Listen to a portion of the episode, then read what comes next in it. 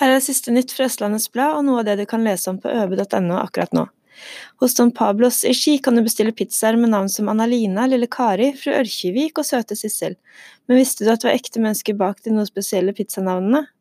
I dag avslører vi de som vel med rette kan kalles Don Pablos pizzatryner. Høyres Helge Marstrander taler Hans Martin Enger fra MDG midt imot når det gjelder sistnevntes tanker om å beholde rådhuset i Oppegård i stedet for å selge det, og heller leie det ut til for eksempel gründerfellesskap. Enger er selvsagt i sin fulle rett til å fremme forslag helt til rådhuset er solgt, men det er ikke en kommunal oppgave å drive utleie til gründere i tillegg til alle de andre oppgavene kommunen skal ivareta, sier Marstrander. Christiane Lønn satt hjemme onsdag kveld da hun plutselig oppdaget at noen kastet egg på vinduet hennes i Hemdalsveien på Tårnåsen. Jeg opplevde det hele som veldig ubehagelig, sier hun. Les hele saken på øbe.no. 41 år gamle Nicoletta Kjelstad fra Ski var til intervju på over 70 jobber før hun fikk napp.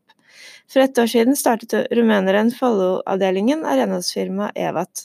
Nå har hun fem ansatte og satser på dobling av omsetningen i 2019. Nå vil hun vise andre at det nytter både å ta utdanning, få seg jobb og starte egen bedrift.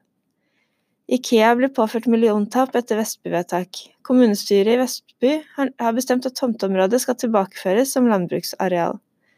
Statsråd Jon Georg Dale har tog, men vil ikke bruke dem fordi han frykter halvtomme tog. Tuva Moflag mener at det ikke holder som argument. Ønsker du å teste ut et digitalabonnement og få tilgang til alt innholdet i vår nettavis, koster det nå fem kroner for fem uker. Siste nytt fikk du av Birgitte Henriksen.